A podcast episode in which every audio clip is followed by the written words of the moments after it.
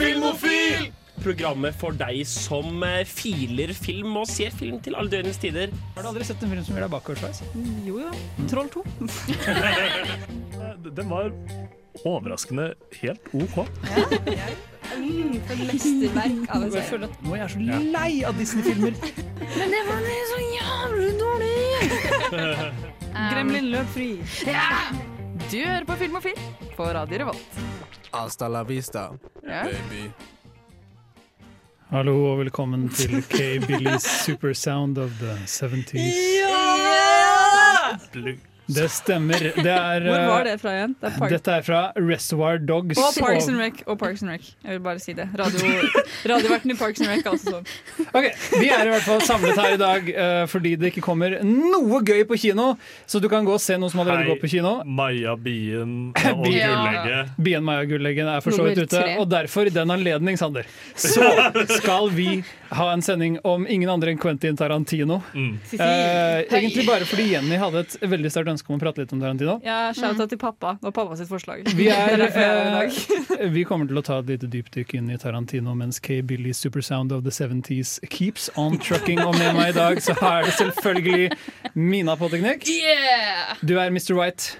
Mr. Pink. Okay. Sander! Mr. Brown. Marte! Mr. Orange.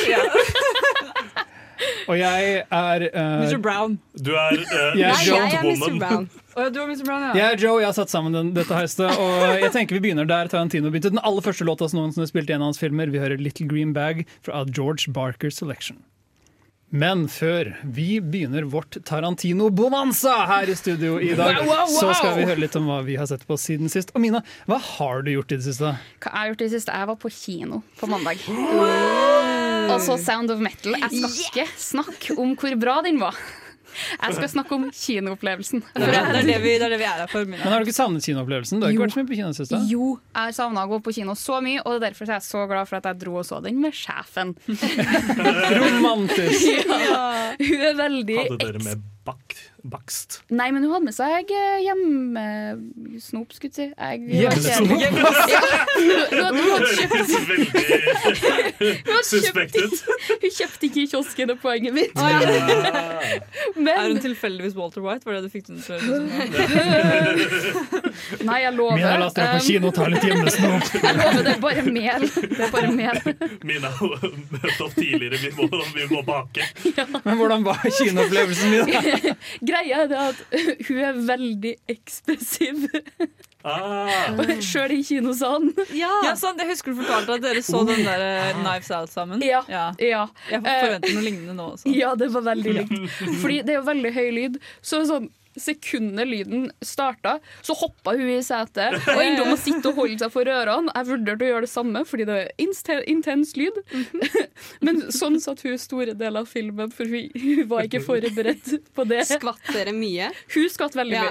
mye. og så satt hun og kommenterte sånn her, her og der og var sånn, sånn Når han- det var en dramatisk scene, så var hun veldig med og bare You tell her! You tell her! God damn it! Og var veldig fornøyd. så det er veldig gøy. Men du likte filmen også? Ja, jeg elska filmen. Ja. Og så har jeg også sett Good Omens opp med Helle. Det var også veldig koselig.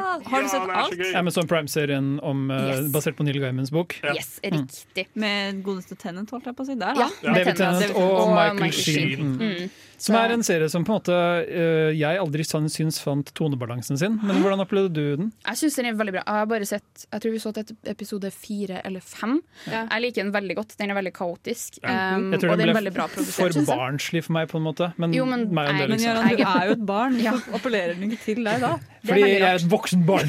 En stor gutt. Veslevoksen. Ja. Men hva med, hva med deg, Marte? Hva har du bedrevet?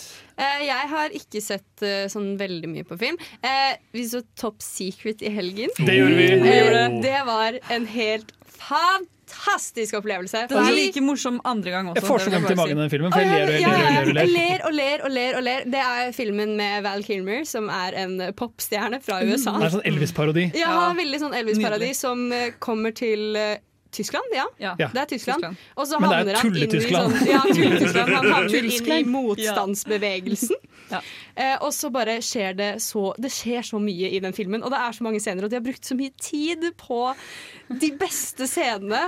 Ja. Vitsene er så dårlige at du ikke engang ser de komme. Fordi Ja, de er er så dårlige. Liksom. Dette er jo fra teamet bak uh, 'Mannen med den nakne pistolen' Ja. uh, og ymse andre hotshots, og, altså Sucker, Sucker Abrahams-trioen.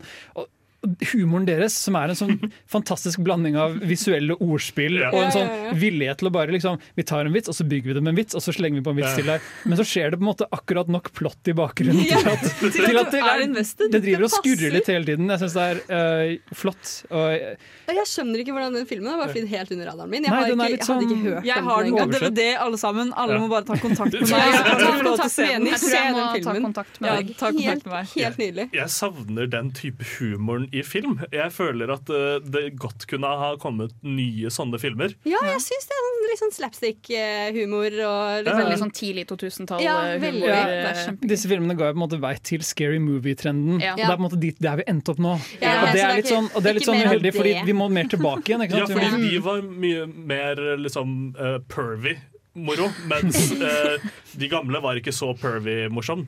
Nei, det, Nei. det er litt sant. de har noen sexvitser der. altså, Ja, det er jo sånn som uh, skjer. Vi skal, uh, nå snakket vi om en film som var et lite dypdykk, og nå skal vi dypdykke inn i Tarantinos Ja. eh, lydbibliotek. Vi skal høre en av låtene som aldri ble med i en film. Frank Ocean skrev 'Wise Man' til Django, men Tarantino kuttet den. Jeg elsker den. Nå hører vi den her på Radio Revolt. My name is Marul. I'm a Czech producer, screenwriter, director, and you are listening Film og Film. Der fikk vi altså 'Wise Man', låta Frank Ocean skrev til Django Shin, som aldri dukket opp i filmen, men som kom på soundclouden til Frank Ocean til slutt. Ja. Vi eh, fortsetter å varme opp til Tarantino-prat med å snakke om hva vi har gjort eh, siden forrige uke. Og Jenny, hva har du sett på den siste uka? Jeg, jeg har sett på serien, men jeg skal ikke dra fra mine Disney Plus-serier denne gangen. Men, nei, jeg bare prank, det er faktisk Disney Plus-serie. Oh, men, er men det er faktisk ikke, det er ikke en sånn serie. Jeg har sett uh, WandaVision. Jeg, Ja. jeg prøver å liksom følge med på det nå, da, fordi jeg ser det samme med ene jeg bor med. Dette er jo starten på fase fire på en måte offisielt Ja. for Mm. Marvel. Og eh, jeg har personlig, jeg er veldig stor Marvel-fan, men jeg har vært skeptisk til hele dette prosjektet deres nå om å liksom lansere masse serier og bla, bla. For jeg synes det, var sånn, det er litt teit av de. De flytter de jo hele universet sitt over på streamingtjenesten sin. Ja. Og det er bare teit at de fortsetter når de hadde en så grei slutt på alt sammen også. på en Ja. Men det er, uansett, WandaVision er overraskende veldig veldig bra. Mm. Det er, de første episodene er liksom skikkelig teite, og man ser liksom at skuespillerne har hatt det kjempegøy på sett. Og man får jo aldri lage en 1950-talls-sitcom lenger. Det er ingen skuespillere som får lov til det. Nei, det og det er kjempegøy å se på, og så bare utvikler det seg. Og nå, eh, allerede i episode tre, tror jeg det er, der da, begynner, da begynner ting å skje liksom allerede da. Og nå er jeg skikkelig spent på hva som kommer til å skje videre. Og jeg lurer Har på du- hvordan de har klart å For hvor mange er det som er kommet ut nå? Tror det er fem eller fi- seks. Jeg tror det er Det er fire fem. episo- fem episoder. tror femte kommer Altså, i morgen. Ja, for det kommer hver fredag. Ja. jeg har sett eh, de fem episodene som har kommet ut. Jeg er helt enig. Veldig bra. Ja, Veldig ikke bra. sant? Det er veldig lover dette spennende. bedre enn Netflix sitt Defenders-prosjekt? ok, det er noe, da. Det er noe. Det er veldig bra. Iron Fist. Anbefaler å sjekke det ut, faktisk. Fordi det er mye bedre enn det man kanskje tror det skal være. Da. Det er jo vel, det er en liten sånn nisje på Tumblr som er veldig glad i uh, WandaVision. Ja. Uh, bortsett fra det så er det ingen som bryr seg om de karakterene. Så jeg var, jeg var så interessert i at de, de som tenkte at det skal vi lansere den neste fasen med. Jeg syns det Altså, er så jeg- søtt, da. Jeg har shippet de fra start med en gang Vision kom. Jeg bare sånn, Nå skal dere bli sammen, og nå skal dette bli bra! Finnes Tumblr fortsatt? Jeg trodde det var som Ja, MySpace. Det ble, det ble nesten lagt ned etter at de tok alt pornoen av Tumblr, men ja. noen sånn fanarts holder det i live Det er fortsatt å sånne ja. troopers som meg. Presenting nipples, er det ikke det som var Det antar jeg at du ikke har vært på Tumblr. Hva har du gjort i stedet, Sander? Jeg har sett One Cut of the Dead. Ja!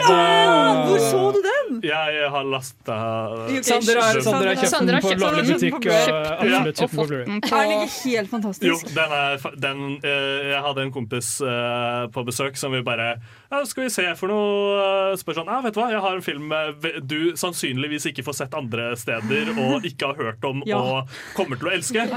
Og så satte jeg eh, den på, så satt vi, og den er så mye bedre enn jeg huska. Jeg huska den som bra, og den bare elevata det andre gangen du så den. Eh, Jeg har Du tar, du tar på en måte flere av vitsene når du vet hva Ja. tvisten er. Da. For Og- One og du Cut of the spotter Dead ting. ja, One Cut of the Dead er historien om uh, en uh, en, noen som skal lage en zombiefilm. Ja. Ja. Og så, og så skjer det et zombieutbrudd uh, mens de lager filmen, og så foregår dette zombieutbruddet i et one take. Men så er det enda en twist enda Ja. den twisten som Det- gjør at filmen får en helt ny dimensjon. Det er mitt Den største mareritt. Den, den, den er faktisk helt sykt bra. Det er, jeg kan anbefales på det sterkeste. Den er ordentlig sånn wacky, den er sånn ekte kjærlighetsbrev til på måte, å lage sånn lavbudsjettfilmskaping og alle tingene som er involvert i å måtte lage litt sånn skittig film. Very Shitty nice. Fyr, Nei.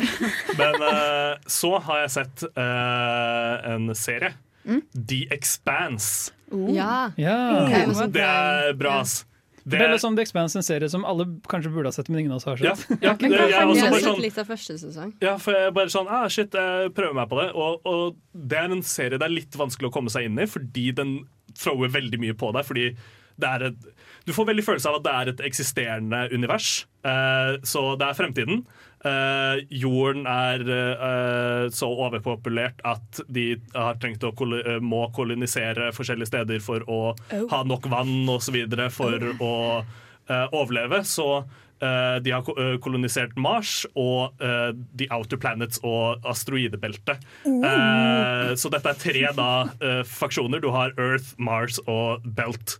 Eh, Stakkars de som bor på Earth. ja. Ja. Og så har du uh, et militaristisk Så har du et militaristisk uh, uh, Mars, fordi de er alle samlet om å terraforme Mars osv.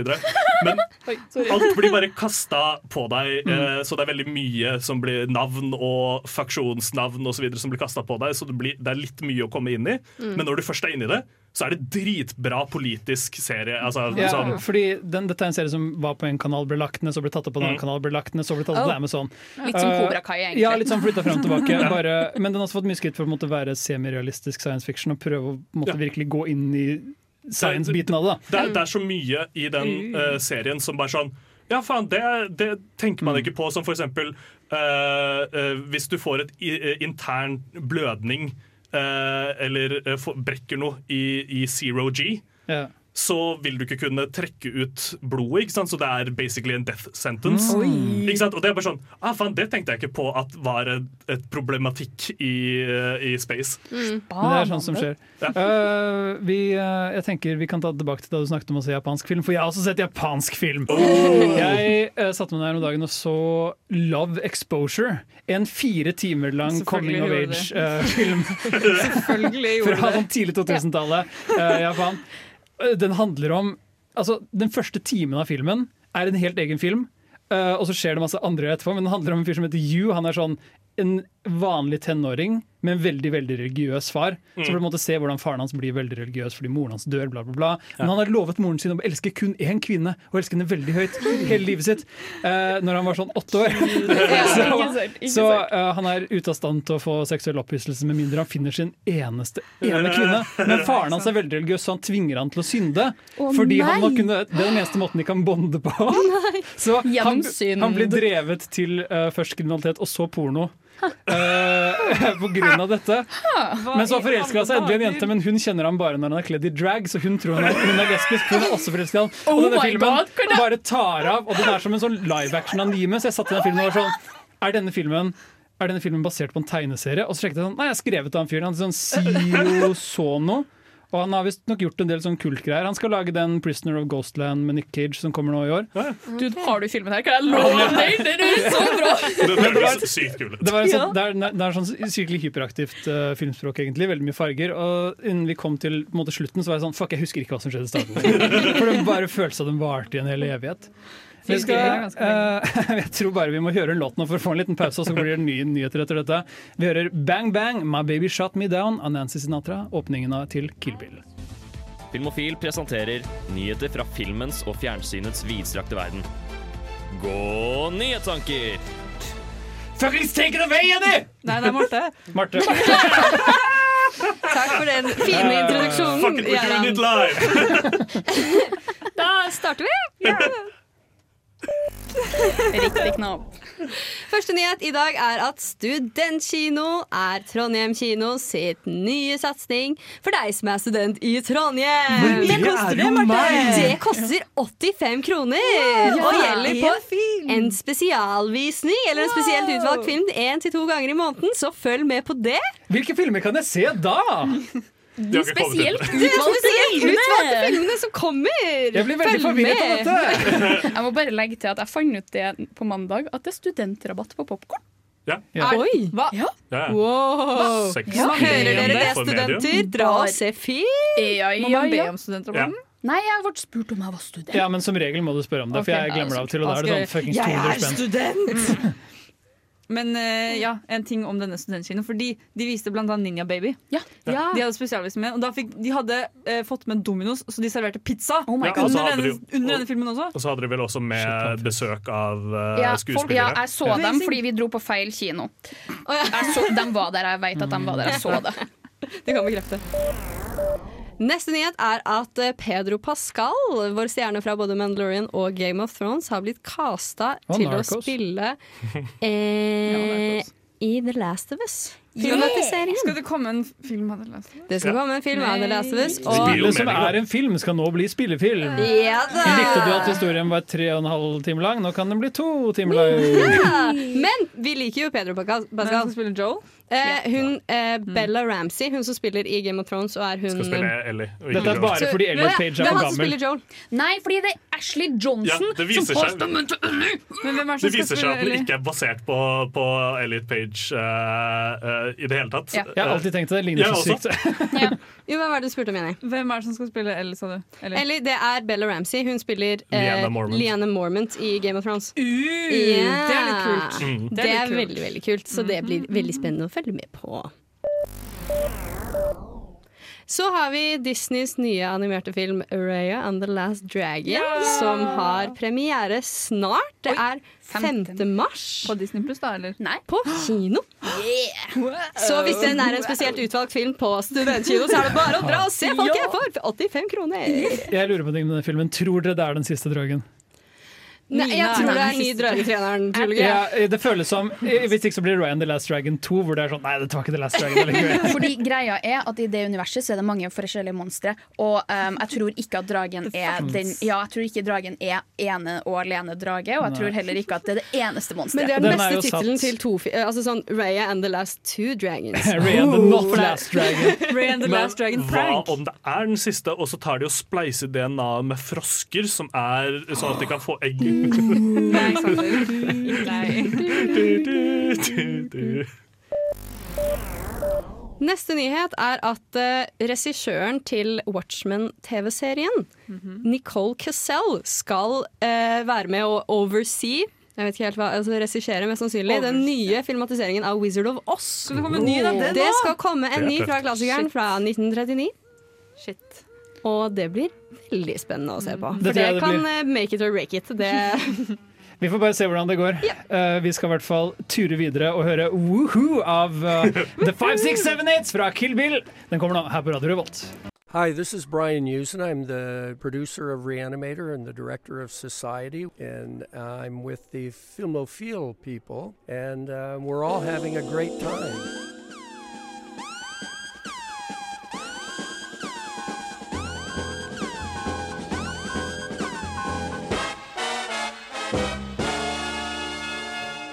Det er tid for Filmofils Tarantino-episode! Er dere klare? Jeg har aldri vært så forvirra før. Der kom det et lite sting fra uh, Kill Bill. Yeah. Ja, det brukes i Kill Bill. Men Når uh, møter hun uh, drar til hjemmet til hun ene ja. Den dukker opp flere ganger. The Bride den dukker opp i konfrontasjoner i Kill Bill. Den, er, den ble første gang brukt i en gammel Shaw-brødrene-film ved navn King Boxer. Og allerede der, fra eh, 80-tallet, allerede der er det en sample fra introen til TV-serien Ironside. Oi. Så dette bringer oss rett på ballen, som er at Tarantino er en jævla tyv. Ja. Han stjeler, han er låner og han skikkelig tar. nerd. Ja. Det har jeg også lært av dette. Tarant Tarant ja, Tarantino er jo fyren som på en måte har verdsatt dette før det ble brakt inn i popkulturen. Eh, og gjort til en ting som alle vet om det. Ja, en av de første tyvene Tarantino 90-tallet var visstnok uh, Sampler. Før det så var det visstnok ingenting. Nei, men han. Sampler.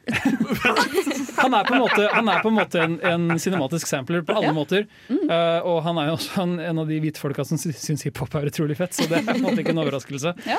Eh, men hva er deres forhold til uh, writer and director Quentin Tortellinis?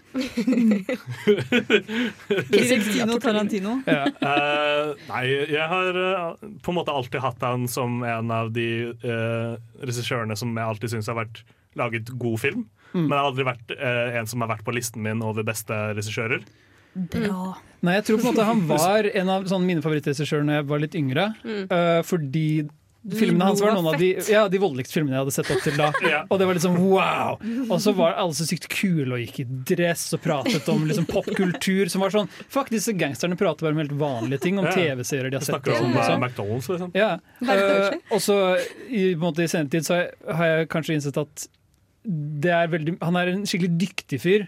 Men det er på en måte ikke så mye av substans der, det er bare skikkelig gøy. Ja. Og det er det som er filmene hans, de er bare sånn skikkelig gøye filmer for meg.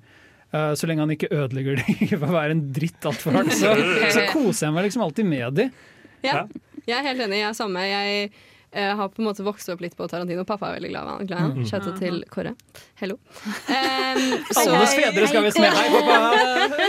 Hei, pappa Nei, men, men så uh, Faren min er veldig glad i han, som da er det automatisk at jeg også må være det, på en måte, når vi ser film sammen. Du må ikke det, Marte. Men jeg, jeg har blitt Hvis faren din hoppet av et stup, ville du hatt kastet et stup på? Ja, selvfølgelig. Ja, Nei, altså, men jeg syns- Stakkar, han kan jo ikke svømme, så Men jeg syns, eh, det er, det er så stor underholdningsverdi i filmene hans. Ja, sånn, så selv, altså sånn, selv når det ikke skjer noe, så er det på en måte dialog som er interessant å følge Mm. med på. Jeg syns han fyller selv om han drar filmene sine jævlig langt, så fyller han Bare på en måte lenger rommet. lenger, bare lenger og lenger. Så Reservoir fyller han rommet. sånn 90 minutter, uh, Once Upon a Time holder Hollywood er sånn et år langt. Det- Hateful Eight er vel over tre er timer lang, tror jeg. Ja. De er veldig lange. Jeg er litt motsatt, eh, forhold, liksom motsatt av Marte. da Fordi pappa elsket jo også Tarantino. Elsker også Tarantino. Han er i et forhold med Tarantino. Ja. Og bare fordi pappa begynte, likte det, så hadde jeg var på den alderen at da var sånn alt pappa likte, det skulle jeg hate! Det ville ikke jeg like! Så du likte ikke moren din heller? Jo, det var akkurat det hun gjorde. Ja. Oi, sorry. Nei, unnskyld, Torbjørn. Mina, vi, er, vi, står, vi står liksom her og, og prater om Tarantino. Og, sending, og så kommer du og ødelegger. Jo, men greia at Vi står liksom alle her og er litt sånn enige om at vi liker Tarantino til ulik grad. Men, det er jo i uh, Tarantino-ånd å ha litt sånn uh, questionable kvinnesyn. Absolutt. Og, derfor, og det poenget er bare at uh, jeg føler at du kanskje, Det er rart at du ikke har meldt deg inn fordi du er den som elsker Tarantino mest. i dette. Ja, jeg elsker Tarantino så mye! Han er favorittregissør Nei, han er ikke det. Han er en, jeg, vet du hva, jeg kan anerkjenne at han produserer helt greie ting. Kill Bill er det beste han har laga, men han som person er en drittsekk. Og burde ikke ha den posisjonen i, i Hollywood som han har. Og filmene hans er så jævlig overvurdert og fortjener ikke like stor eh, pri, eller praise Ja. som eh, det her nå blir gitt. Og hvis man ser ansiktet hans fra siden, så ser det ut som en halvmåne. Som er det største problemet med film. Ja. Men det som er fantastisk eh, med eh, Reservoir Dogs, eksempel, eh, liten fun fact, eh, det er to kvinner eh, som er eh, credited i, i rulleteksten Mm. eh, ved navn eh, Shot Woman and Shocked Woman. Jeg tror vi kommer til å prate ganske mye om Tarantino som person, ja. og hvem han er. I løpet av denne sendingen, Så brannfakkelen din den skal vi komme tilbake til, Mina. Og den skal skal. Men jeg tenker først vi uh, sparker av gårde med en liten låt fra Reservoir Dogs. Vi snakker selvfølgelig om Steelers Wheel med Stuck in the Middle With You. Se om du kjenner igjen hvilken scene i filmen denne låta går fra. Hei, jeg heter Roar Uthaug, og du hører på Filmofil på Radio Revolt. Det gjør du, og vi snakker om Quentin Tarantino. Og man kan jo faktisk skrive en bacheloroppgave på Quentin Tarantino og hans stil, men jeg tenker vi kan ta det eh, til noen av eh, fotnotene av hans eh, karakter. Mina, har du lyst til å snakke litt om han Var det denne vitsen du sa? Altså, ja, det er jo ingen hemmelighet at uh, Quentin Tarantino eh, har eh, en heftig fotfetisj. Um, Det det skal vi ikke legge skjul på. må liksom, Når du er regissør, så må du ha visse Du må ha kjennetegn ved en deg. sånn kjennetegn. Quirk. Ja, Ja, ja, ja. men man gjenkjenner jo en regissørs verk eller på en måte På føttene. Nei, men etter hvert så, når vi begynner å snakke om autørteori og det at på måte, Mm. regissøren er på en måte, forfatteren som skriver filmen, så begynner man å kunne si det fordi man kjenner igjen noen kjennetegn. Og Tarantino har en hel haug med kjennetegn. Noen Ja. av de setter man ofte pris på. Ja, Andre er litt sånn eh, ja. Det trengte du ikke å ta med. Ikke sant? For det, det er jo som du sier, føt, føtter er en greie i filmene til Tarantino, men han har jo òg veldig sånn cinematiske quirks, eh, hvor du har på en måte utsnittet blant annet på filmene, du har fargepalettene. Mhm. Veldig mye oransje og gult. Du har også, Han bruker samme font i Ja. både Django og Pop Fiction, fant jeg ut. Ja, dette er sånn, eh, sånn eh, som man gjerne kommer tilbake til, eh, som knytter på en måte filmene hans sammen. Mm. Men når du snakker om det med føtter, så er det en ting For det er, folk har hengt seg opp i at han filmer Mhm. veldig mye føtter. Ja, ja. Både til menn og scener. til kvinner. Det er jo ingenting i galt med å ha fotfetisj. Det er jo Og det, nei, og det er Vi på en trenger måte bare se det! Nei, men det er på en måte mer et meme, fordi han bruker det veldig ofte på veldig gode cinematiske måter. Ja. Av og til så føler man at det er litt sånn overindulgent, Ja. at han lener seg litt for Ja. i det. Men han gjør så mye annet man også kan snakke om. Som eh, nesten sånn tegneserieaktig over the top vold. Mm. Eh, utrolig glad i masse blodsprut. Mm. Eh, lydeffekter. Han elsker teite lydeffekter, og jeg Ja. elsker han for det. Det er så flott. Jeg jeg, et Tarantino-øyeblikk som er brent inn i mitt, uh, mitt hode fra jeg så det på kino, er det ene skuddet i Django Unchained, som jeg Ja. tror alle vet hva jeg snakker om. Det første Nei, nei, når han er skyter hun damen uh, inne i huset Ja, mot slutten ja, av filmen, og hun på en måte eksploderer inn i Ja. det andre rommet. Med helt sånn flotte lydeffekter. Og det er, det er, kjent, det er sånn erkekomisk på et veldig ellers voldelig tidspunkt. Ja, og veldig seriøst øyeblikk også, Mm. egentlig. Ja, og den, jo, og den balansen mellom liksom humor, Ja. stil, det er noe man ofte ser hos han.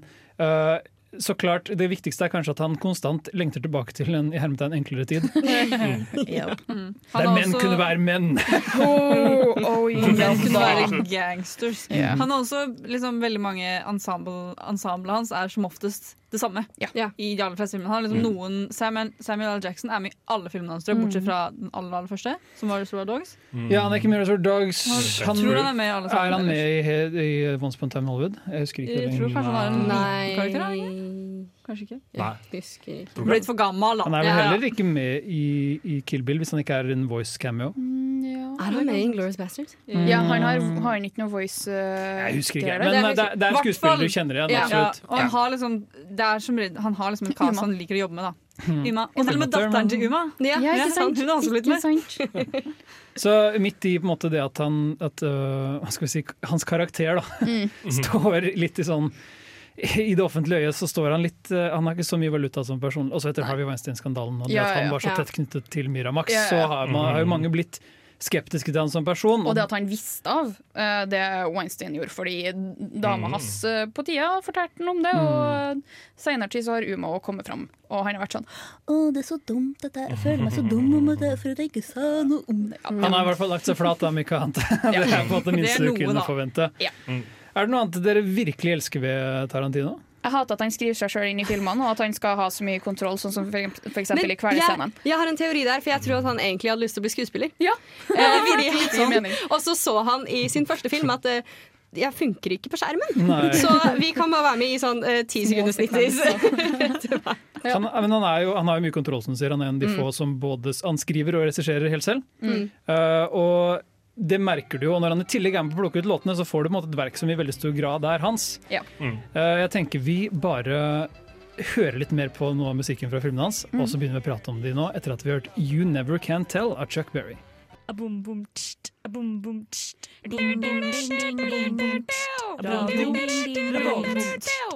Der fikk vi altså You Never Can Tell a Chuck Berry, som så klart spilles i den ikoniske dansescenen uh, som finner sted i Pulp Fiction. Og, Yeah. eh, Min danseinspirasjon, rett og slett. Ja, det vil jeg påstå, Sander, for vi har jo sett deg danse. og du danset litt nå nettopp, egentlig. Mm. Det er leit vi ikke lytterne kan se deg også, for hadde dette vært TV, så hadde det vært god TV. Det er sant.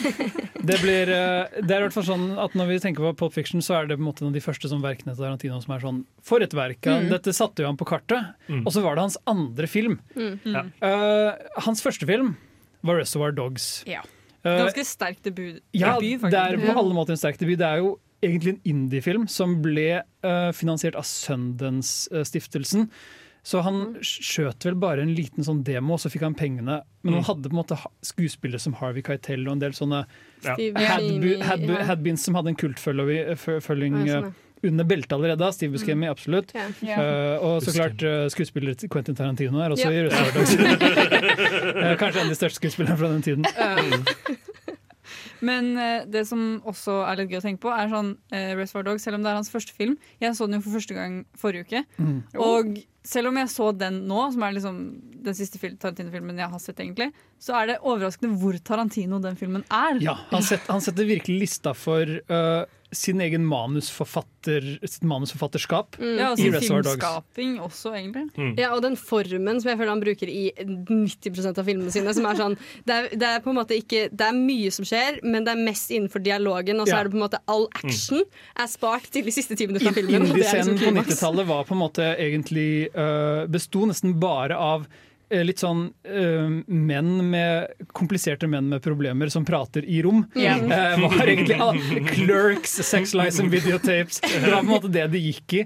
Eh, folk som prøvde å være Jim Jarmers. Og så tok på en måte Tarantino og skrudde den litt rundt bare ved å ta det trekke det i retning B-filmområdet. Mm. Gangstere, Mm. uh, pop- og rockmusikk. Mm. Uh, og mye mer vold. Ja.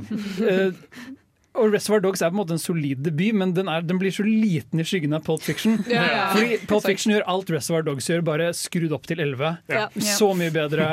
Den non-lineære historiefortellingen, de ikoniske karakterene, den snappy dialogen, eh, estetikken, Dansingen. dansingen. Ja, det er bare litt dansing i Reservoir Dogs, det er mye mer dansing i Pulp Fiction. Og Der den, har du forskjell. den filmen ble altså så ikonisk at det er nesten ikke måte å snakke om uh, på. Jeg tror alle har sett Pulp Fiction nå. Mm. Ja. Mm. Jeg føler Alle det er en film det er lov å spoile. Det som også er litt gøy, hvor kjent Pulp er Da jeg flyttet til ny leilighet, eller ny hybel nå forrige høst, så var det en Pulp Fiction-plakat allerede Ja. på veggen. Oi. Jeg vil bare si det. Jeg tror faktisk professoren min har Pulp Fiction-plakat bak seg når Ja. hun har forelesning. Det er litt gøy. Altså, en Pulp Fiction-plakat i uh, universitetet ja, er, er nesten obligatorisk. Du kan ikke si at du har bodd i kollektiv uten å ha Pulp Fiction på veggen. Dere er mye filmplakater, Sander. Er det en Pulp Fiction-plakat hos dere? Nei, eh, det er det ikke. Nei, det er ikke det. Det fordi vi har uh, hva heter det, den moderne Pulp Fiction, The Lobster. Uh, på, Absolutt en gangsterfilm med kult popmusikk-soundtrack. Jep. Jeg vil jo si at uh, Pop Fiction er den typen film jeg av og til glemmer hvor godt jeg liker, og så ser jeg den på nett, så er jeg sånn Mm.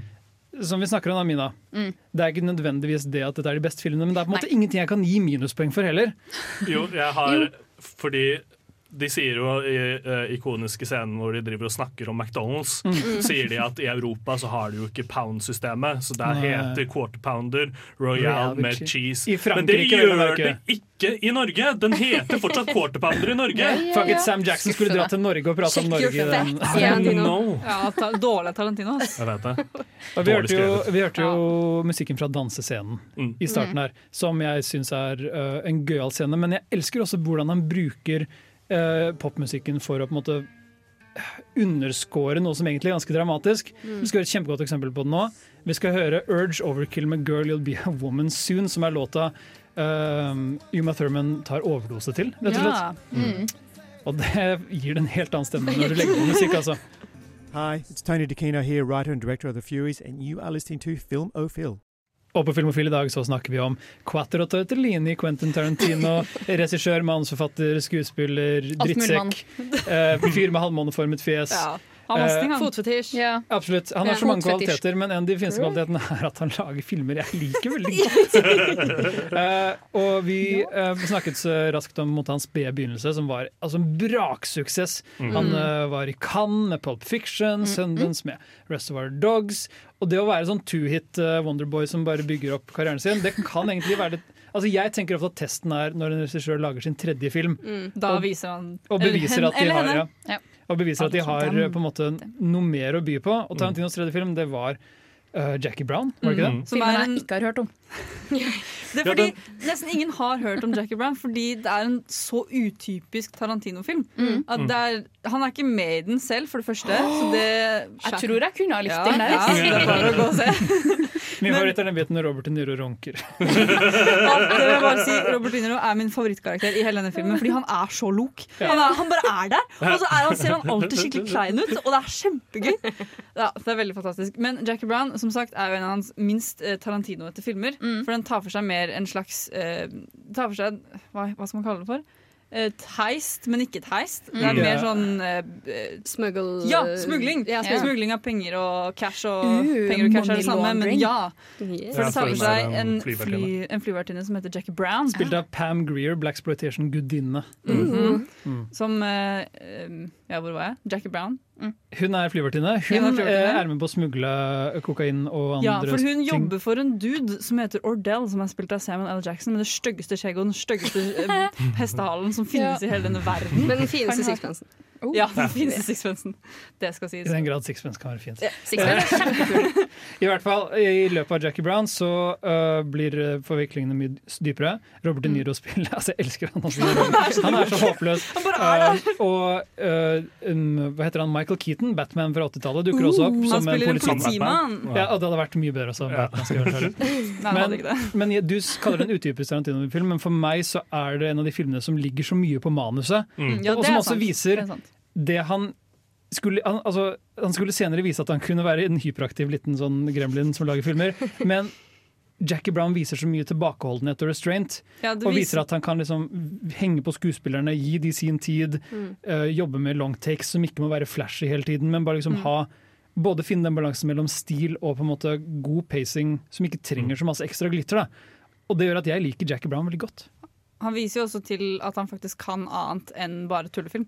På en Ja. måte. Jackie Brown er jo en ganske seriøs film, egentlig, fordi den er jo det, det er jo som sagt de skal smugle disse pengene, og så er det mye dramatikk rundt disse pengene fordi Ordell, eller eh, Samuel L. Jackson, han er veldig sånn This is my money! Og han vil liksom han vil, Mm. han vil ha kontroll på det, men Jackie Brown er ganske smart. Hun er Ah. en smart dame, så hun Mm. klarer liksom å få det litt på hennes, på hennes vei også. Ja. Double play it. Mhm, mhm, mhm. Men vi ga denne filmen som hjemmelekse fordi den er uh, på en måte et veldig godt eksempel på en Tarantino-film som er bunnsolid, men som har gått under radaren til mange, nettopp fordi den Mm. har en litt sånn annen form og farge. Mm. Og kanskje annen lukt også, jeg vet ikke. Ja, den har ikke noe sånn eh, sh- shootout på slutten, liksom. Nei, Nei. det er litt veldig lite likt. Den er, den er også et av de søtere kjærlighetsbrevene hans til blaxploitation-sjangeren, Ja. hvor han på en måte fullstendig kutter ut exploitation-biten og bare fokuserer på uh, måte det sorte krimmiljøet. da. Mm. På en måte som e- egentlig han får til overraskende godt. Mm, det er en veldig solid film. Fordi han er jo veldig utfordrende når det kommer til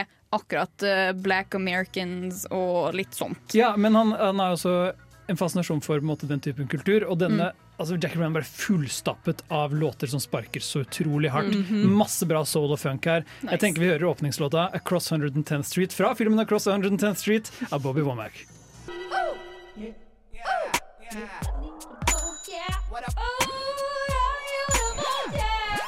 Her kun på Radio Revolt. God stil!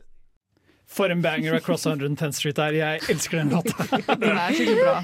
Ja, det er, øh, og Vi går fra Jackie Brown, som på en måte var en veldig sånn Tarantino som virket som han egentlig var på vei til å settle i en mer sånn et roligere leie. Og var litt sånn Nei, jeg kan lage dramaer. Ja. Og Og så- sånn, Vi lurer på hva han skal gjøre neste gang, neste gang. og da smalt Tarantino ut Kill Bill, som er altså helt i motsatt camp, Mina. Ja, den er jo litt mer lik Pop Fiction. Den er veldig mye Eller Uma Thurman er jo med.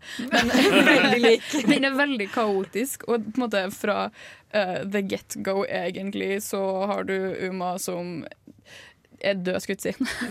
og liksom helt på å våkne til live igjen sant. og blir jakta på for at du skal være død! Det som eh, også er litt gøy da med Kill Bill, er at her er den første filmen Tarantino virkelig leker seg med alt han har. Han har Mm. oppdaget at når han klipper film oh, det, er masse, det er masse ting man kan gjøre med film. Man kan denne filmen zoome- bruker snap-zooms Ja, så sinnssykt mye, som er den når du plutselig får et sånn kjempekjapt zoom bare Ja. rett inn. Og så har han sånn lydeffekt på zoomet også, Ja. og så har han masse dumme lydeffekter. Jeg lo meg i hjel når den der uh, introlyden vi hadde på starten av ja. Ja. Uh, Når uh, den Smash-reklamelyden, Ja. tror jeg. Eh, når, når han bare zoomer inn, og det Ja. blir rød filter på greia. Ja, det, er, det er nesten så det, er, det virker som det er edita etterpå som en sånn spoof. Ja. Ja. Eh, Og den, den er så Kill Bill var på en måte kjent som tøff når jeg skulle komme ut og vi var ja. var det sånn, Den er så voldelig og tøff. Mm. Men når jeg ser den i ettertid, så tenker jeg at det er jo egentlig bare straight up en komedie. Yeah, yeah, jo Eh, med noen veldig forstyrrende biter kastet inn her og der, som Ja. uh, den eh, animesekvensen. Ja. Kill Bill er jo teknisk, teknisk sett en anime. Ja, det er riktig. En av de beste animene.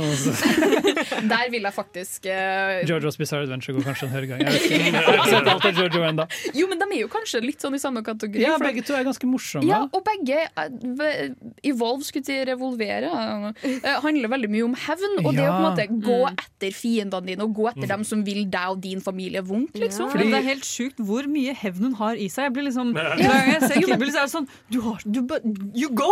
Ja, ja, ja, men jeg tenker hvis at, hvis at du har blitt drept på bryllupsdagen din, og du var gravid, liksom Du har og blitt voldtatt mens du var i koma. Du ble det av Ikke sant? babyen din? Du vet ikke.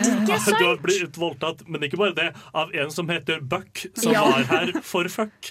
Som er en eh, sit, et sitat stjålet direkte fra Tom Hoopers uh, Nei, fra Tom Hooper, jeg glemte jeg hva han het. Han som lagde Chainsaw Massacre, Scene Eaten Alive. Ja. Og det er det som er så gøy med Kill Bill. Det er, den består ene og alene av på en måte, ting Tarantino har stjålet fra andre filmer Mm. og koblet sammen. Ja. Og laget til sin egen film. Mm. Og det, er på en måte, det var på en måte med særlig Kill Bill 1 så tror jeg folk var sånn Nå er det ingen tvil lenger, du bare stjeler, du. Mhm. Men han, har på en måte, han klarer å modifisere det med sin egen stemme akkurat nok til at det blir noe nytt. Han tar på en Mm. måte og smelter om gammelt materiale og gjør det til noe nytt.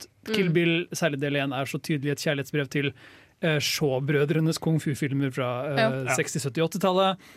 Uh, og så får du et massivt skifte mot Kill Bill 2. Ja, den har ikke jeg sett, men eh,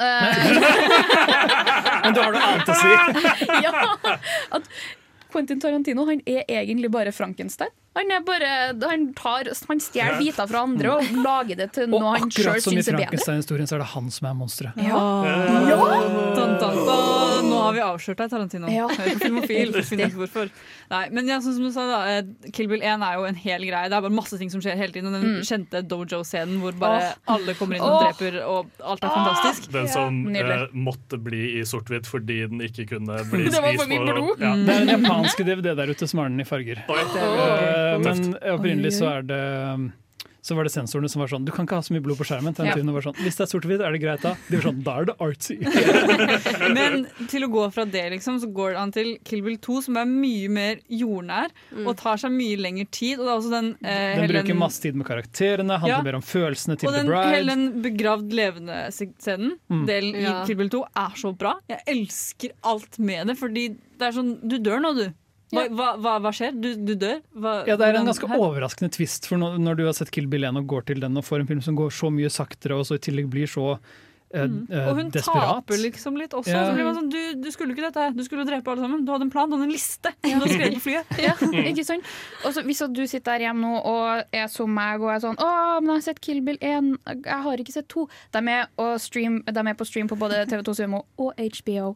Yeah. Jeg vil anbefale å se begge to, men jeg blir sånn Kill Bill 2 Jeg, jeg verdsetter prosjektet, men den er for lang for meg. Ja. Eh, Ja, det, den er litt lang. den har for mange pratescener hvor jeg er sånn Nå bare gjør du dette fordi du, du, er, du blir så glad i din egen stemme. Mm. Og på et tidspunkt når en Tarantino-film er for lang, så begynner jeg å høre Tarantino si all dialogen. Jeg, jeg, jeg hører ikke skuespill lenger, jeg bare hører Tarantino. Liksom. Han sitter og skriver og er så jævlig fornøyd med seg selv. Jeg må bare si det at det her er den eneste filmen jeg liker av Tarantino. Del én, altså. Ja, del én. Ja, Men jeg, altså, del én sparker så hardt. Den har så mye energi. Den, er, den, er sånn, den er laget for folk med konsentrasjonsvansker, men den bare funker så utrolig Unnskyld meg.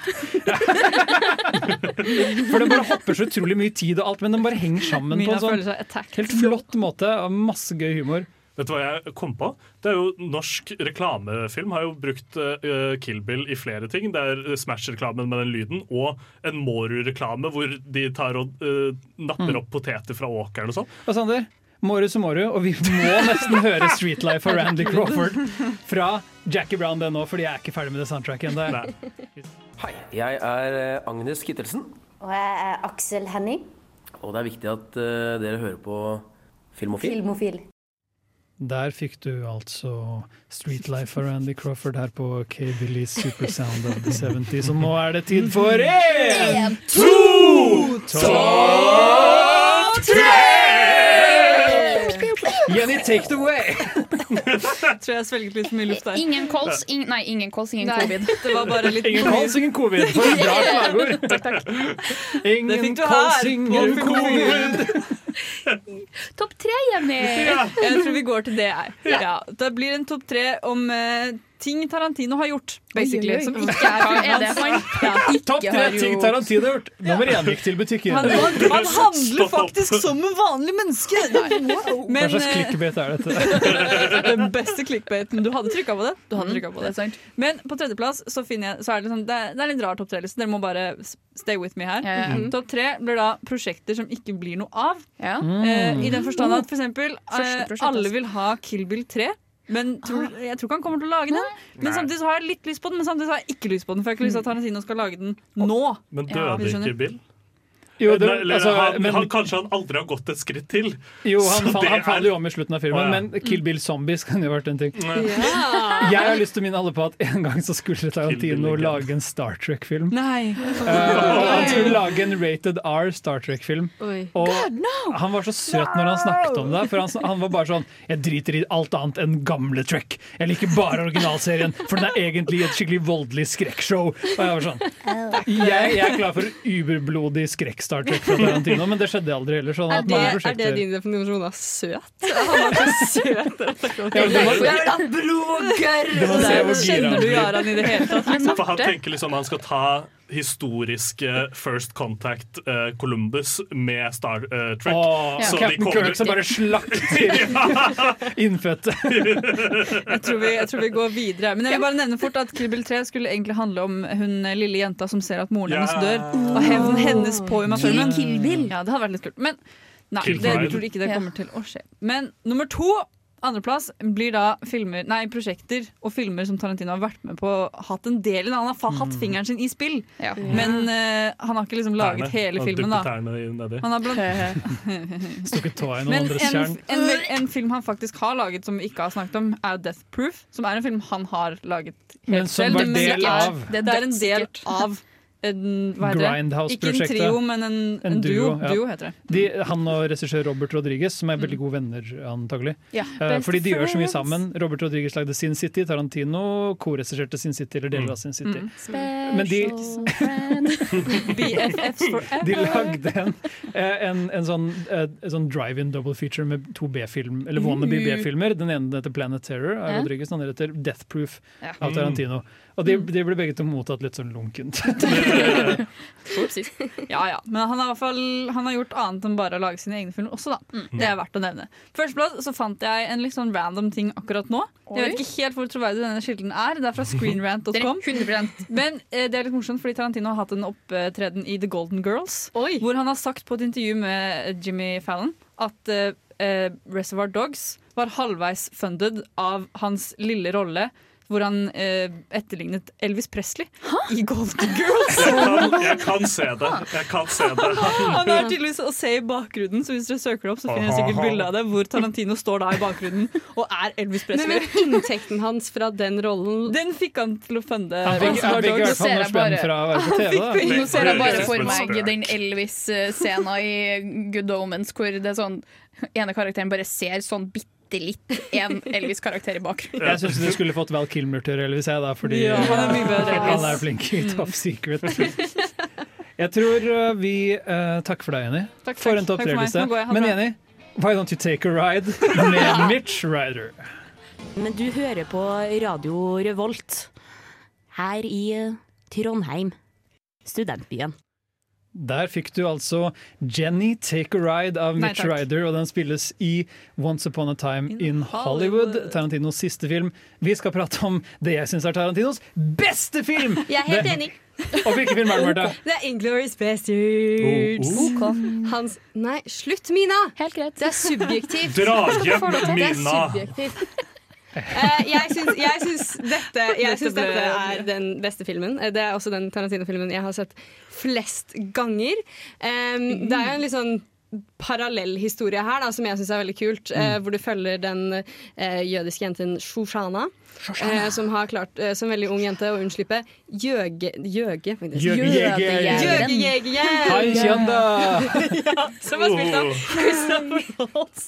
Som, eh, han, på en måte, han introduserer litt et nytt ensemble i denne Mm. filmen, som han bruker mye senere. Mm. Eh, Brad Pitt bruker han igjen. Christopher Waltz bruker han igjen. eh, Christopher Waltz som eh, jeg føler bare spiller den karakteren eh, satt i Ja, forskjellige Ja, han, han var for god for som Hans Landa, på en måte. Og så Ja. var det blitt sånn Ja, men bare gjør Hans Landa mer! Og sånn. Ja, ja, ja. OK, I guess I can do that again. Men altså, det, han som Det er jo helt Det er skikkelig bra. Det er Ja. så bra. Det skuespillet bærer jo den La oss ikke glemme at BJ Novak fra The Office er, er Ja, det var det beste med filmen. Det var det beste med Det var det beste med filmen.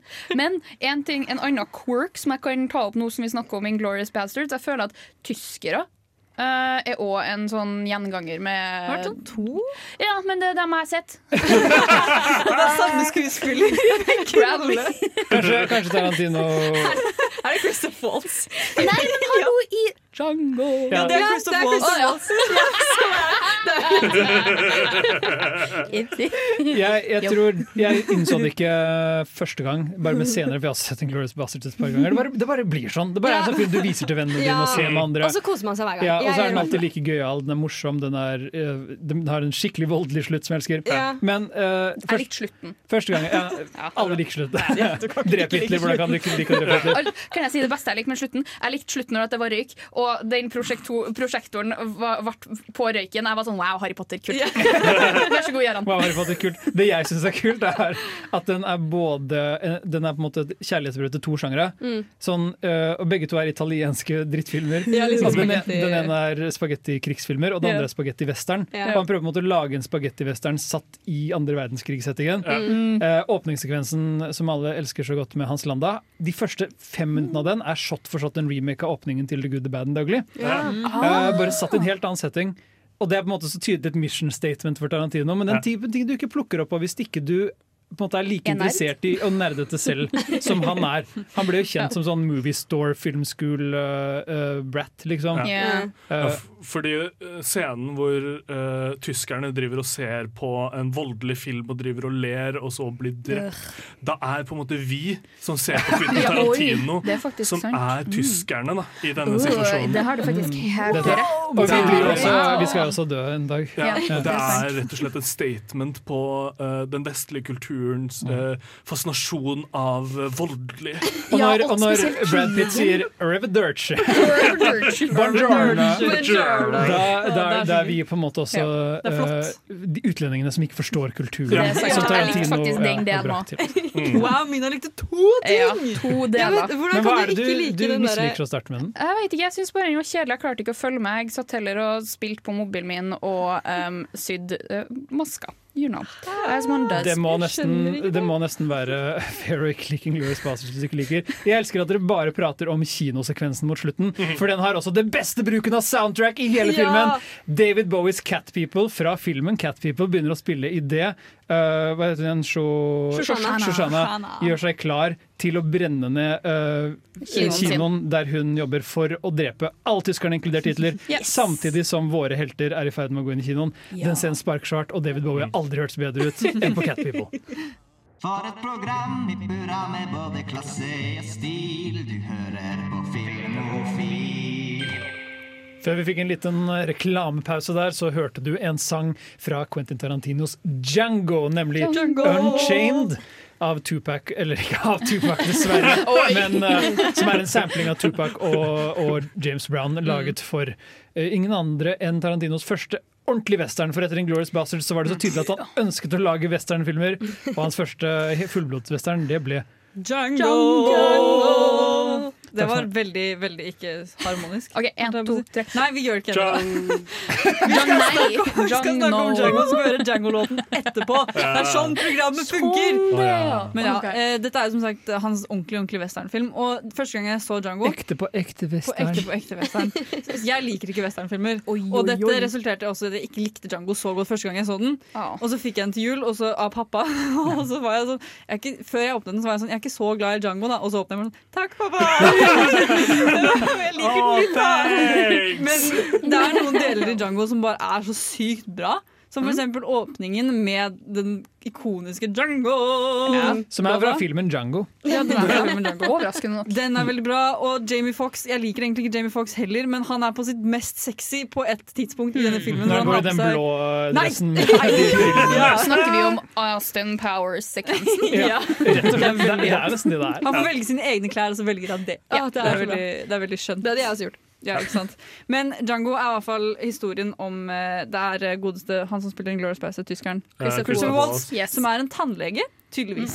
Som møter da Django og flere andre slaver. han har tatt doktorutdanning, Ja, det er ikke så farlig. Han har faktisk de det. tyske- Han har bare ikke praktisert på fem år. Ja, ikke? Det er akkurat det. Han kjører en tannlegebil, det er nok. Men han møter i hvert fall på Django og andre slaver som er på tur, rett og slett. Som filmen åpner med. Og så tar han da Django til side fordi han skal finne The Brittle Brothers.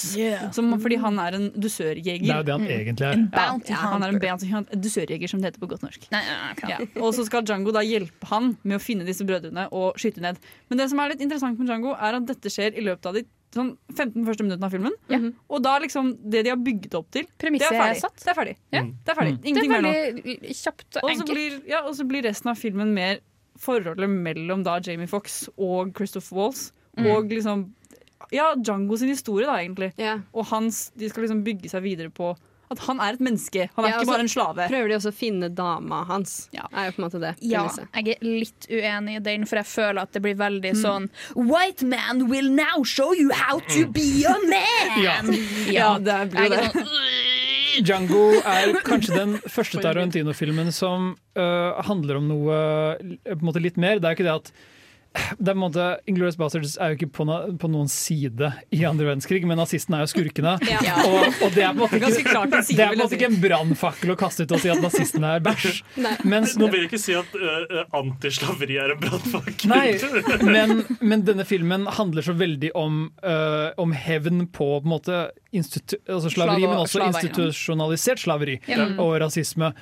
Og, og det altså More power to you for å lage den filmen, og lage den så fet som den er. Den, den mest interessante sekvensen er jo kanskje når han møter øh, slavehjemsdriver, eller altså Leonardo DiCaprio. ja, eller at han er en sånn, han, Hans bottom bitch, Samuel Jackson. Ja. Som er på en Ja, måte ja, en sort øh, mann som er på en måte blitt så vant til slaveri at han ikke vet om noe annet. Det er og nå- ja, nå selv er en Ja. hardbarka rasist. Ja. Det er jo egentlig en ganske interessant øh, karakter, men som du sier så får du ofte litt sånn preg av at alt, at veldig mye av det er sånn Nei, men han trengte bare en hvit, snill fyr til å vise ham veien. Ja. Men under alt dette så ligger jo denne flotte evnehistorien om å redde kona di, som Mm. på alle måter sparker. Det, det er så bra, det. Og så I tillegg så er det på en måte Det er jo en seriøs-ish westernfilm, men han Sånn som den Ku Klux Klan-sekvensen er veldig seriøs. Det var så Det er akkurat det! Fordi han klarer også å gjøre det humoristisk Ja. til tider. Som f.eks. den scenen hvor John og Hill blant annet skal komme og drepe, drepe de to. Django og eh, Christopher Waltz, fordi de har på en måte stjålet en slave fra Det var, det var noe sånt greier. Nei, de har drept eh, Ja, de de drepte noen av eh, De mennene. drepte De drepte The Brittle Brothers. Ja. Yes. Og da er det også, jeg vil bare påpeke at det var en som het Jenny som lagde disse maskene til de. Ja. Og det er en setning der bare sånn Appreciate what Jenny did! Men ok, det jeg liker verst med Quentin Tarantino, Det er det at han skriver seg sjøl så mye inn i narrativet. Blant annet Pole Fiction, hvor han blantedly sier the n-word så mange ganger. Og han har fått o- eh, n-ordet pass av Samuel L. Jackson. Visstnok. Eh, men det betyr ikke at du har fått det fra flere.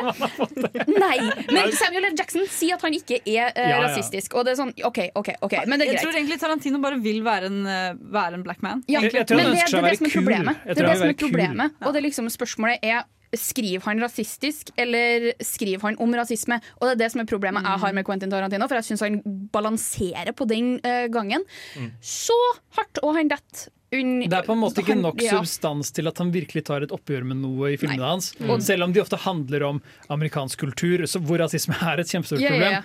Eh, Han og gjør jo bare det han syns er kult. jeg tror Ja, Jeg syns nesten hans beste oppgjør er den neste westernfilmen vi skal prate om, 'Hateful Eight', som faktisk tar for seg et lite mikrokosmos mye sterkere. Kanskje vi bare skal høre Django fra Django før vi prater videre om 'Hateful Eight'. Hei, det her er Dag Jan Haugerud. Jeg heter Torbjørn Harr. Og jeg heter Yngve Sæther. Jeg heter Jan Gunnar Røise. Og du hører på Filmofil! Hey! Hey! Hey! Jeg syns det var Tarantino Kirisnas. Her, det er ikke noe Altså, uh, der, vi hørte Django av Louis Bacalow Bacalo og Rocky bra. Roberts Mhm. fra 1966-western Django. Som var enda en sånn låt Tarantino bare gravde opp og var sånn Fy faen, jeg elsker den låten. Den skal åpne min film som også skal hete Django, for det er ganske fett navn. da Men han gjorde noe helt annet med den. Selv om uh, Django på en måte er vi snakket litt om liksom, hvordan dette er en representasjon av uh, Amerikas vanskelige fortid. Mm. Den kom ut omtrent samtidig som 12 Years a Slave, som bare er en film som gjør dette så mye bedre. Ja. Ja. Men Ja. uten all moroa som Django har. Ja. Og tissen Jamie Fox er så stor i den filmen at jeg vet ikke hvor jeg skal gjøre av meg. altså.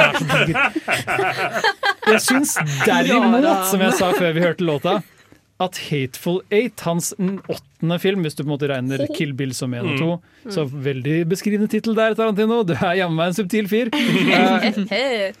Funket som et slags et mye mer solid oppgjør med Amerikas vonde fortid. Fordi Hateful Eight er historien om en dusørjeger. Oh my god! Igjen? Wow! Og også noen som er ute etter hevn. Til! Mandalorian. Alt, alle dusørjegerfilmer er nå i Mandalorian-universet. Uh, Mandalorian, ikke Star Wars-universet. Mandalorian-universet. Ja, ja. det er ikke noe igjen av Star Wars. Bare la oss gå bare så ja. kommer over det. Hateful Eight. Ja. Eh, Vi har på en måte åtte karakterer. Mm. Sjokkerende nok. Eh, Kurt Russells dusørjeger. Hans Mm. dusør spilt av Jennifer Jason Lee. Mhm. Eh, Samuel Jackson sin nordstatsgeneral. Bruce Derns gamle sørstatsgeneral. Eh, det er et par karakterer til, sånn som Ja, og han Er Walter Goggins. Mm. Eh, Er Jamie Fox med der nå? Det er Nei. nesten litt Nei, spoiler å si at Ja. Channing Tatum er med Channing. Tatum er på en måte ikke en av de åtte originale Nei. i originalkastet. Um, en, et flott gjensyn med Michael Madsen fra Reservoir Dogs Ja. uh, dukker opp. Og så er det en fyr som spiller meksikaner. Jeg husker ikke hvem han er. Uh, men det er ikke rasist, altså! I hvert fall. Tar- Tarantino Stateful Eight setter opp denne konflikten som er både nord og sør. Du har Samuel Jackson der som en slags sånn han er på en måte veldig, han er så bitter mot sørstatene, og med Mm. rette. Mm. Men det ender også opp med at på en måte, han eh, skaper konflikter, og, og, og spenningen blir bare så utrolig tens mellom alle disse personene som kommer fra ulike steder og på ulike, sted, på ulike tider og med ulike verdier. Møte hverandre. jeg tror på en måte, Det er ikke at den er så utrolig dyp, men han sier på en måte at alle disse amerikanske historiene, når de møtes, så er et blodbad Ja. uunngåelig. Ja. Og blodbadet i The Hateful Eight. Det er så bra, det. Jeg Helt elsker fantastisk. alt med Hateful Eight unntatt tvisten. Ja. Jeg elsker at den er tre timer lang. Jeg elsker den nydelige cinematografien. Jeg elsker Ennio Morricone-soundtracket. Han hadde prøvd å få Ennio Morricone til å score filmene sine siden han begynte som eh, eh, filmskuespiller. Og endelig skjedde det, og det er et fantastisk soundtrack. Mm. Jeg, sagt, alt unntatt twisten. Jeg vet ikke hvor mye vi skal snakke om den twisten. Jeg elsker eh, atmosfæren. Ja. altså bare uh, Lyssettingen, alt som bare bygger opp under den atmosfæren av å være på en liten hytte i snøstorm. Den er liksom. filmet i 79, 70 mm, som er et superformat, og så er det så utrolig klaustrofobisk Ja. Det funker kjempebra. Han går på en måte tilbake til røttene sine, da, kan du si. Sånn Ja. som i Reservoir Dogs. Alt skjer i ett rom, Mm. hovedsakelig. Og han har på Nesten måte alt er gjort dialogdrevet. Ja, Mm. og det er et blodbad på slutten. Mm. Det er på en måte, han har gjort The Reservoir Dogs på en litt veldig annen måte. Mm. Mm. Som er litt gøy. Jeg føler også at uh, Jeg har ikke sett Hateful Eight ennå. Skam mm, på Mm. meg. Um, men jeg Men føler det stanser deg ikke fra å hate den! Nei, fordi jeg er den hatefulle ni- tiende. Fordi jeg kjenner til ja. Men jeg føler at uh, fargespekteret i eh, The Hateful Eight eh, er litt sånn en motsetning til de tidligere filmene. Fordi Ja. Du kan Mm. påstå at Django òg motstrider litt med pop Fiction, og sånn men du har fortsatt mange sterke farger. Da har de få Ja. vinterscenene, Men liksom. Django, Ja. Django popper veldig mye. Ja. Hateful Eight er mye blekere og mye Mm. mer sånn uh, Som Sander nevnte, klaustrofobisk, nesten. Ja, ikke sant? Den er satt i, uh, i snøen, som uh, På en øde hytte jeg jeg liker på en måte sånn sånne snøsettinger når det er sånn innestengt og du hører den vinden som uler utenfor. Oh, det, det- det, jeg får sånn Krampus uh, Ja. ja, det var like Da koser han seg. Eller, det, eller det, The Thing, John Ja. Carpenters The Thing, Ja. som Hateful Eight har veldig mange referanser til. Mm. Halvparten av soundtracket er noe Ennio Morricone skrev selv, den andre halvparten er det han skrev til The Thing. Mm. Eh, tidlig i karrieren sin, så den er på en måte full av The thing stick, i tillegg Mm. til at de er alle sammen låst inne. Jeg jeg tror det kanskje er den Tarantino-filmen jeg ser mest substans i. Mm. Men jeg, jeg husker jeg så første akt og var sånn fy faen, dette blir et sjakkspill. skjønner du? Dette Mm. blir et sånn, Mm. Nesten som Mm. en sånn mor, Det blir litt western, det blir litt Agatha Christie, Det det blir- litt horror. horror. Alt på en gang! Ja, Ja. men så uh, viser det seg at ingen kunne gjette twisten fordi øh, Channing Tatum gjemte seg under gulvet hele tiden. Øh, og Jeg hater den twisten. Altså, det, det er sånn null payoff fordi det ikke var bygd opp. Ja, du, du hadde måttet ønske at du kunne være investert og få en slags sånn 'jeg spottet dette clouet', og så hadde det noe å si. Mm. Men når du ser filmen om igjen etterpå, så er det sånn Gotcha. Jeg vet hva som kommer til å skje, og skal jeg være helt ærlig, så er det ikke noen frempek å se etter. Ja. Eh, Det er bare sånn småting som 'oi, så du den kaffekoppen som sto på det bordet, hvem drakk av den?' Ui, ui. Men hvis at du har sett Inglorious Bastards, så vet du det at eh, Quentin Tarantino har hjelp, gjemt folk under, uh, under floorboards. Så, da uh, Skulle sett den komme. Ja. Det er vår skyld, egentlig. Ja, han, han er jo liksom en fyr som både legger mye stolthet i filmarbeidet sitt, men Mm. også i manuset sitt. Han skriver Mm. alle disse manusene selv, og det er sånn, du kunne skrevet et mer solid manus. Ikke for å fortelle deg hvordan du skal gjøre jobben din, men det hadde vært så deilig om den filmen på en måte var enda bedre enn den var, for den har så mye potensial i seg. Mm. Uh, jeg jeg elsker allikevel blodbadet på slutten. Ja, ja. Eh, Det er det er helt sinnssykt. Jeg, er når jeg gikk ut av filmen, liksom. så var jeg sånn Se for deg å være han fyren som kommer til den hytta etter at alt har skjedd. Neste mann som stopper deg, det henger en fyr i taket, det ligger noen baller på gulvet, hele hytta med kaka inn i blod. Og Litt som å komme tilbake til huset sitt i, Django. ja, egentlig, det var sånn Hva i helvete skjedde her? Stakkars renholderske. renholdersken. det skjer. Soundtracket til Hateful Eight er fortsatt ganske bra fullt av bangers, men den har betydelig færre fordi nummer Con gjorde det. Han bruker allikevel Jack White sin uh, Apple Blossom uh, av The White Stripes, som du får her nå. Radio, radio, radio, radio. The White Stripes med Apple Blossom der, altså. Den låta spilles ganske tidlig i, uh, i The Hateful Eight. Mm. Det er et slags sånn longtake, bare ansiktet til Jennifer Jason Lee som ser ut av en sånn uh, vogn. Mm. Og det er bare det hele taket mens den spiller i sånn tre minutter. Av en eller annen grunn så setter den stemninga utrolig godt for det som følger. Er det noe epletrær som blomstrer i den Nei, det er, det er midt på vinteren, Mina. Skuffende. Og hvis du har noensinne som vært i nærheten av et epletred så epletre på vinteren, så vet du at det er helt dødt. Det har jeg faktisk. Det har jeg òg. Og en annen ting vi har til felles, er at, skryt så mye! er at vi begge to antagelig er litt lunkne på Tarantinos siste film, 'Once Upon a Time in Hollywood'. Ja. Dette er, um, Denne filmen kom i for i fjor. 2018, var det ikke det? Da hadde han på en måte allerede sagt at jeg skal kanskje gi meg etter Rate for Late, og så var han litt sånn «Ah, Men det var litt gøy å lage enda en film, da. Ja, pengene var gode, og Brad Pitt er min beste venn, og jeg vet ikke, ting. Så han kom med Once Upon a Time in Hollywood, som han sa er et kjærlighetsbrev til 60-tallet. Og film. Og film. Ja. Som om de, for de andre filmene hans var aldri et kjærlighetsbrev til film og 60-tallet. jeg vet. Quentin Tarantino har hata film opp til dette punktet Ja, han har i jo det. 2019. Bare bare i Once Upon a Jeg, Time in Hollywood. jeg føler Once Upon a Time in Hollywood er mer et kjærlighetsbrev til filmbransjen enn, Ja. det er, Ja. enn de andre er mer til produktet film. film. Mm. Uh, hvor her er det liksom stuntmenn som er yeah. I hovedrollen, noe som på en måte Kjent sak er blitt uh, neglekta. Så det yeah. handler jo da om uh, Leonardo DiCaprio Som og spiller Brad Jack Booth, er det den heter? Ja, det er noe sånt. en, en ja. actionhelt, uh, actionskuespiller uh, som da har sin uh, stunt-double, da, som er Brad Pitt. Mm. Som eh, de har jobbet sammen eh, på mange filmer. Og De er bestevenner, de. Ja, de har fått et eh, kjempegodt uh, godt, Men nå er karrieren forhold. deres på vei ned. Yes. Uh, og det er ikke sånn at det er et hardt fall, eller noe, men det er bare litt sånn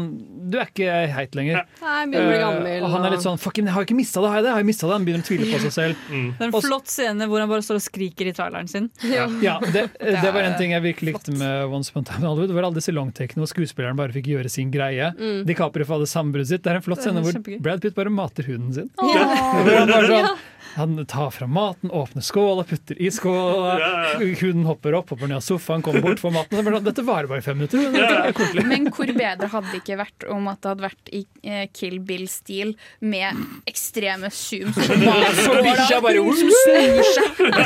Ser Med en gang du åpner opp, så er det sånn zoom forbi til hunden som perker opp. Det hadde vært kjempegøy. Men en annen ting da, som når det Once Upon a Time in Hollywood kom ut, så var det liksom sånn Jeg føler Tarantino har på en måte bygd seg opp det ryktet at Mm. man skal man, hvis man sitter gjennom hele filmen, så får man en skikkelig kul actionscene på slutten. Mm. Og det ble på en måte det filmen ble for meg også. Var på en Mm. måte mest at jeg gledet meg til slutten. Ja. For jeg visste at det kom til å være en sånn, fordi han kommer til å skuffe absolutt alle hvis han ikke ikke hadde med det i filmen sin. Og Og for en klimaks. det Ja, var, jeg føler det er lov å det snakke om dette det nå. levde Ja. opp til forventningene, da, for å si det sånn. Den Eh, slutten. Fordi det var den, veldig, veldig den lille tingen som skjer i bakgrunnen her, er at den handler om uh, 1969 og på en måte det at, altså, Ikke bare er Rick Dalton stjerne på vei ned, men s- The Summer of Love er basically død. Mm. Og Manson-drapene som skjedde på ekte, utrolig bestialske drap som skjedde mot Sharon Tate og uh, medlemmer av Polanski-familien, Mm. Eh, de ble på en måte sånn Faen, hippiene har gått for langt, altså. Vi må bare slutte med de greiene her. Uh, sånn, det satte en pinn i det. Og det Tarantino gjør, er at han nok en gang, akkurat som Inglorious Bastards, skriver om historien. Mm. Han, han lar sine self-insert-karakter Altså, dette er bare sånn Hvis jeg hadde levd på 60-tallet, så hadde jeg banka opp Bruce Lee og så hadde jeg stoppet Manson-drapene. for jeg så jævlig fet. Han er Tarantino. Slik-portretteringa har jo også fått masse hate, Ja, da, hvis vi snakker om rasisme. Mm. Ja.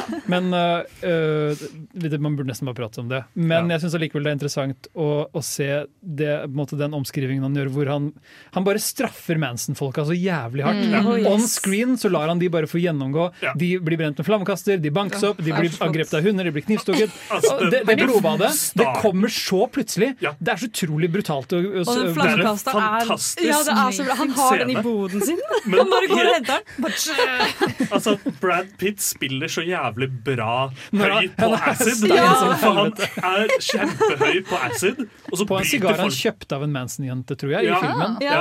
Og så bryter folk seg inn i huset hans. Og han står der og skal mate hunden sin med en hermetikkboks med mat. Står han og egentlig bare ser på ham, og så bare å ja, det er et innbrudd, jeg burde gjøre noe. Så han bare kaster den uh, hermetikkboksen, tunge hermetikkboksen rett i fleisen. Ja, det ser så vondt ut. Det setter i gang den scenen så jævlig bra. Men å se den i kin eh, kinosalen var veldig gøy, fordi den fikk så sterke reaksjoner med både gisping, sånn wow, hva har skjedd nå? og veldig mye latter. Og han tar fra Manson-familien så mye makt ved å få dem til å fremstå som dumme, inkompetente slapstick-klovner som på ingen måte kan slåss, som på ingen- ikke har noen Ja, ja, ja. talenter, bare er pyste. Jeg syns det, det klimakset er veldig godt. Jeg skulle på en måte ønske resten av filmen klarte å engasjere meg like mye. Ja. For den Det blir jo bare at du venter på at det skal skje. ja, men den har masse sånn Husker du uh, Eurocrime-filmer, som er noe bare Tarantino husker? Eh, 70-tall- 60-talls sånn italienske gangsterfilmer, liksom. Ja. Hvem, hvem andre vet om det? Mm. Altså, Hvem bryr seg om det? Ja, men det er, sånn, det er en nisje. Det er, Ja. sånn, uh, det, er gøy, det er gøy når noen vet hva det er. Mm. Men Akkurat sånn som med fotfetisj. Det er en nisje. Margot det er er plassert over hele denne filmen. Det er nesten uheldig. At det, virker jo, det ble jo en stor oppbluss med memes om at han er, er fotfetisj, og jeg føler han bare ga opp og bare sånn, vet du hva, nå skal, jeg, bare, nå skal jeg bare fucke med alle Når, når hun sitter i den kinosalen og tar beina opp på det setet. Det er Det er så liten nødvendig, det. Jeg tror vi bare lar Margot Robbies føtter være i fred. De har fått Ja. gjennomgå nok allerede. Vi hører en låt fra filmen. Vi hører 'Son of a Preacher Man' av Dusty Springfield. Hei, mitt navn er Atle Antonsen. Du lytter til Filmofil på radio Revolt, og det gjør du helt til programmet er ferdig. Og vi er ferdig. Er Hei. klarte. Du kan gå hjem, det er ferdig, nå er ikke mer å høre på. Men hvis du lurer på hva vi har snakket om i dag, så var det Quentin Tarantino og hans Tarantino, hans Tarantino. fantastiske cinematiske univers som består av tull, tøys og fanteri. Ja. Eh, Ikke nødvendigvis så fantastisk, da. Neste uke så skal vi snakke om eh, sterke kvinner på film, i anle og i film kanskje, Ja. generelt, i anledning uh, den nye Wonder Woman-filmen. Og en litt tidlig kvinnedagen. ja, og vi, vi tar kvinnedagen litt på forskudd, det er sant. Så det føles riktig at jeg er programleder neste uke også. Elsker Skal kvinner. Ja. Jeg er så glad for at dere har vært her med oss her på K-Billy Supersound og og hørt på teknikk. Mr. White, Mina også kalt som Mr. Pink, Jeg tar offense at du tar meg som stiv beskjemmer, men Sander Mr. Orange, Hva er det? Mr. Brown. Jeg var jo Mr. Orange! Jeg var Mr. Vet du hva, Brown. det er bare for at Marte Du Mr. Brown, jeg sier det Mr. Brown. Bare for at Marte er redhead. Og nå hører vi Urami Bushi, som er ikke bare fra avslutningen av Kill Bill 2, men også fra Female uh, Prisoner Scorpion. Denne sangen er helt nydelig, og du får den her på Filmofil på Radio Revolt. Ha det bra.